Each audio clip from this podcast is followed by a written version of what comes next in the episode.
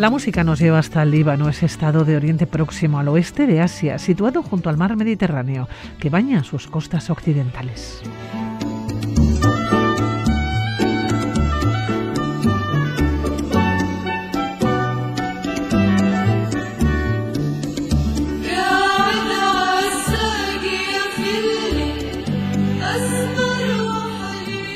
País eh, del que desconocemos prácticamente todo, desconocemos eh, su historia, desconocemos su música, desconocemos su cultura.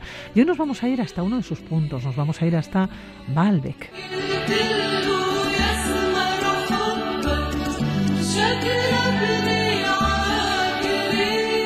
Y lo hacemos de la mano del cantautor más popular del Líbano, Marcel Jalifa, y también de la mano de Xavier Bañuelos. Xavier, ¿cómo estás? Caiso, pues encantado de escuchar Dreamy Sunshine. de Marcel Jalifa, ¿no? que es uno de los, vamos, yo creo que es el más conocido internacionalmente, ¿no? Bueno, en el mundo árabe sobre todo, ¿no? De compositor y virtuoso de Loud, el laúd árabe, y que tuve la oportunidad, tuve la oportunidad además de escucharle en directo en el Festival Timitar de Agadir, y vamos, fue una auténtica locura, tenías que ver cómo se puso el público en cuanto salió. Sí, me encanta, me encanta. subimos un poquito la música, subimos con ella.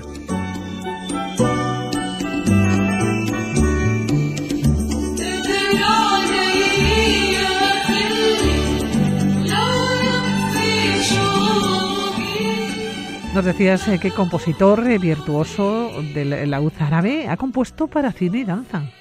Sí, sí, ha compuesto para cine, para danza, música a poetas árabes, especialmente suele musicar al palestino Mahmoud Darwish, porque además Marcel Jalife está muy comprometido socialmente, él es un tío de izquierdas y está bastante comprometido con la causa palestina, ¿no? y bueno, aparte de su su gran categoría como, como cantautor y como compositor musical, pues bueno, tiene esta, esta otra, esta otra faceta, ¿no? Y, la verdad es que mira, este tema además es, viene, es muy apropiado, ¿no? Porque precisamente nos vamos a ir a la Ciudad del Sol, ¿no? A, a Baalbek. Nos vamos a ir hasta Baalbek, eh, pero nos vamos a situar primero en el Líbano. Decía yo que desconocemos muchísimas cosas.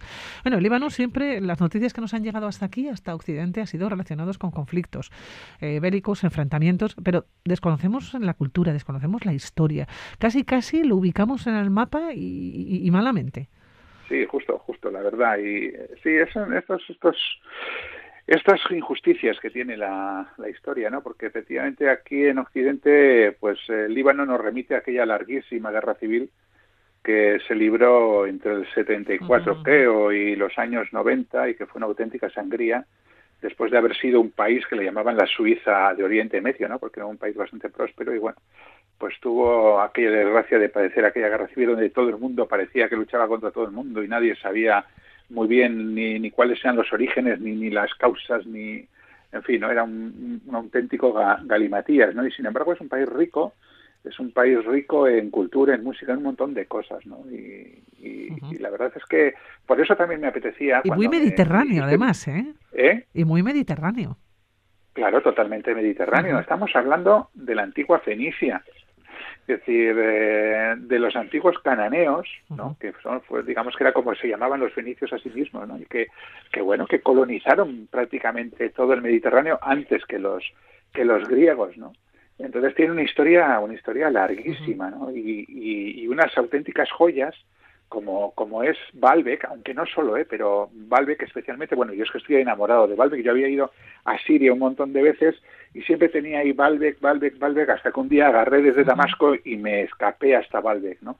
Está, de hecho, Baalbek está a medio camino entre Damasco y Beirut, más o menos, ¿no? Eh, hay dos, dos ríos allí muy importantes que son el río Litani, que atraviesa de norte a sur todo el valle de la Beká, y luego el Orontes, que nace al norte de la Beca y luego tira hacia Siria y, discurre, sigue discurriendo hacia el norte. Bueno, pues Baalbek se sitúa más o menos entre las cabeceras de, de ambos ríos, ¿no? Eh, eh, y está entre este este, este valle, ¿eh? que también lo conocemos porque bueno pues porque era uno de los protagonistas de aquella guerra civil, ¿no? Pero está entre las cordilleras del Líbano y el antilíbano. Entonces la verdad es que es un marco auténticamente precioso, ¿no? llegamos, sí, te iba a preguntar, tú llegaste desde Siria pero entiendo que también se puede llegar desde el mismo Líbano. Bueno, es que ahora desde Siria un poco difícil. Sí, no, no, muy complicado ir a Siria. Sí, ahora mismo muy complicado. Casi mejor que no. Eh, pues mm, evidentemente pues todos los conflictos que está habiendo actualmente en toda esa zona impiden, ¿no? Yo creo que hacer un viaje desde desde Siria. Y entonces yo lo hice desde Siria porque bueno como yo era guía de viajes en aquella zona pues he viajado a Siria como como ocho veces. No no sé ya ya he perdido la cuenta no y, bueno, yo me hice una escapada desde, desde Damasco, pero bueno, actualmente lo mejor es ir a Líbano, ir a Beirut y desde Beirut eh, acercarnos hasta hasta allí, hasta hasta Baalbek. No está muy lejos, está a unos 86 kilómetros, más o menos una hora 45 minutos, una cosa así. O sea que es fácil es fácil de, de llegar, vamos. Fíjate, has hablado de 85 kilómetros y nos hablas de una hora y tres cuartos aproximadamente, claro. Sí, más o menos. Eso indica un poco cómo están las carreteras, cómo son las carreteras. No, bueno, no es que estén muy mal, pero es decir, no se circula a grandes velocidades por allí. normalmente se va, se va tranquilo, pero bueno, también es verdad que las infraestructuras no son como las de aquí. Eso, eso es cierto. Y una vez, sobre todo, sobre todo ya una vez que entras en el Valle de la Beca, ¿no? que es un, es un valle pues muy rural, eh, fundamentalmente dedicado a la ganadería, a la sericultura, se cultiva mucha vid, olivo, hortalizas, frutales y tal, ¿no? Y bueno, pues sí que es verdad que ahí están un poquito más... Eh, pero bueno, tampoco es que estén estén mal, ¿eh? Lo pasa, pero sí es un, es un valle muy interesante. Yo, la verdad es que me gusta mucho esa zona de, del Líbano, por, porque se mezcla ahí un poco todo, ¿no? Es, es una zona de mayoría chií. De hecho, de hecho siempre ha sido un poco eh, algo así como el cuartel general de Hezbollah, ¿no? La guerrilla chiita pero tiene muchas minorías sunitas, eh, hay una zona con muchos católicos maronitas, especialmente en la ciudad de Deir al-Hamán, eh, luego también hay, hay católicos latinos, armedios, melquitas, hay caldeos, cristianos ortodoxos, drusos en la zona sur, con lo cual es un auténtico mosaico de todas las culturas, de todas las religiones que hay en, en, el Líbano y es una zona realmente muy interesante, la verdad es que sí. Esa es la grandeza del mestizaje. Sí, efectivamente. Bueno, del mestizaje, por lo menos, porque no sé si se llegan a mestizar mucho unos con otros, pero por lo menos que estén ahí, aunque no revueltos y juntos. de la convivencia, ¿no? exactamente, la convivencia cuando, cuando es posible, ¿no? Que debería, debiera de ser siempre posible, ¿no? Pero bueno, en este momento que no hay así conflictos muy graves de ese estilo, hay otros conflictos, ¿eh? porque la verdad es que en este momento el Líbano está pasando una mala situación económica, muy mala situación económica, y, las está pasando mal y hay conflictos más derivados de esta, de esta situación, ¿no? Ya no, no está tan, tan caliente, digamos, el tema de los conflictos interreligiosos o tal. Pero, pero bueno, cuando la convivencia es posible, la verdad es una auténtica riqueza. Te iba a preguntar, ¿por qué querías ir a Baalbek? Bueno, porque, porque me parecía que era, a ver, eh, mira, cuando uno piensa en Roma, piensa en Italia y hace bien en pensar en Italia. Pero muchas veces nos, no nos damos cuenta de que Roma fue todo un imperio que ocupó muchísima extensión. Y te encuentras ciudades romanas en lugares a veces que ni te lo imaginas. Y muchas veces, para ver Roma, como, le, como pasa a Grecia, ¿no? yo siempre suelo decir, ¿quieres conocer Grecia? Pues vete a Sicilia. Eh, cuando, hablo, cuando, hablo de, templos y demás, ¿no? ¿Por qué? Pues porque en lo que fue la Magna Grecia a veces hay, eh, digamos, huellas de, de, aquella, de aquella cultura griega más imponentes a veces que en el propio que en la propia Atenas ¿no? bueno pues a Roma también le pasa un poco al Imperio Romano no tú tú, tú, tú, tienes que ir a Jordania a, a por ejemplo para ver una magnífica ciudad o, a Marruecos a Volubilis eh, o a Leptis Magna no en Libia es decir que hay, hay una serie de ciudades repartidas por todo, o, a Colonia, ¿eh? A Colonia o a, o a, Trier en Alemania, por ejemplo, ¿no? Donde, donde tienes unos monumentos, bueno, o, en la misma península ibérica, en España no tienes más que irte a, Mérida o algunas ciudades portuguesas, a Évora, por ejemplo, ¿no? Es decir, entonces, eh, concretamente aquí en el Líbano yo siempre había, había tenido, eh, había leído sobre Baalbek, entonces me parecía una ciudad que no solamente era desde el punto de vista monumental, grandiosa, sino que además tenía una historia muy, muy interesante, ¿no? Muy interesante. Entonces digo, bueno, pues hay que ir, ¿no? Porque tú según, además, y, no, y no me equivoqué, ¿eh? porque tú según llegas a, a ¿eh? te sitúas delante de la escalinata monumental e inmediatamente te inunda la grandiosidad de su monumentalidad. Es increíble, ¿no? Esa escalinata de entrada, que es una especie de picado hacia arriba, con unas dimensiones que se escapan a las proporciones lógicas de la escala humana, ¿no?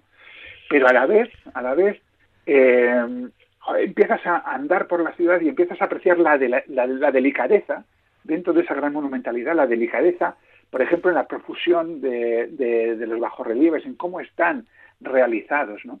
Y claro, no, no, es, no es de extrañar, no es de extrañar que, que, bueno, pues en el 84 pues fuera patrimonio, declarado patrimonio de la, de la humanidad, ¿no?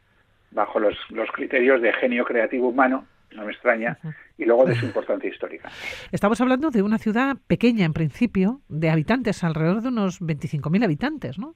Sí, lo que es la ciudad actual, sí. La ciudad actual tiene, tiene unos 24, 25.000 habitantes y es la ciudad árabe donde se encuentran instaladas las, las ruinas. No sé, la verdad es que no he encontrado el dato de cuánta gente llegó, llegó a poblarlo en época, digamos, en su época de, apogeo, pero bueno, tampoco fue una, una ciudad especialmente importante. Lo que pasa que sí que fue un centro, digamos, eh, importante en eh, relación a la difusión del paganismo. ¿eh? Porque porque sí era una especie como de, centro de centro religioso no de hecho lo que hoy vemos básicamente es el gran santuario que es un conjunto de templos que, que, bueno que fueron construidos fundamentalmente en la época en la época romana y que bueno algunos de ellos se han preservado pues muy muy muy bien. Bueno cuando llegas allá que te encuentras enseguida hablaremos o quizás el próximo día hablaremos de qué ver no pero es una ciudad nos decías que tiene muchísima historia que a veces para mm, hablar de Roma tienes que ir no a otras eh, ciudades. Claro si llegamos allá a Baalbek toda la historia y también sus orígenes que creo que son orígenes muy poco claros pues sí, no, no, no está claro muy bien eh, de dónde, o sea, cómo surge, porque estamos hablando de una tierra muy antigua, eh, una tierra muy antigua que fue poblado ya por culturas relativamente desarrolladas desde muy antiguo, ¿no? En realidad, eh, a ver, parece que hubo algún asentamiento cananeo ya en el 2900 antes de Cristo. Estamos hablando de la Edad de Bronce. ¿eh? Lo, ya hemos dicho antes, los cananeos era como se llamaban a sí mismos los fenicios, ¿eh? porque el término fenicio viene de viene del griego en realidad. Es como les llamaban los los griegos, que significaba algo así como los rojos, ¿no? Por, por eh, los tintes con los que ellos comerciaban, ¿no? unos tintes de color de color púrpura, pero asimismo se llamaban los cananeos. Entonces parece ser que en esta zona ya había asentamientos cananeos en la edad de, bronce. ¿no? Pero lo que es la, ciudad o, sí, eh, el santuario parece que se desarrolló en torno a un, a un oráculo, a un santuario oráculo, digamos, dedicado a Baal o, o Bel, de las dos formas se le llama, y a su hermana, que a su vez era su esposa, Anat, que eran los dos, eh, los dos dioses, bueno, dios y diosa más importantes, digamos, de lo que era la, cosmogonía de, estos pueblos cananeos. ¿no? Baal es el dios del sol, el dios de la tormenta, el dios de la fertilidad de la tierra. ¿no? De hecho, de hecho el nombre de Baalbek eh, viene de, de, esta advocación a Baal, ¿no? porque Baalbek significa algo así como señor o dios de Bek es decir, el señor o el dios de la beca, ¿no? Al dios supremo le llamaban señor, Baal. ¿no? Entonces parece que el nombre viene de aquí. Y luego estaba Anat, eh, que era, como digo, su hermana y, esposa, también llamada Astoret, ¿eh? para los cananeos, y Astarte, quizás no suene más porque era su forma griega, que era la diosa de la guerra y también de la fertilidad, este, en este caso de la fertilidad de los seres vivos. ¿no? Y era una diosa que tenía una proyección amplísima. ¿eh?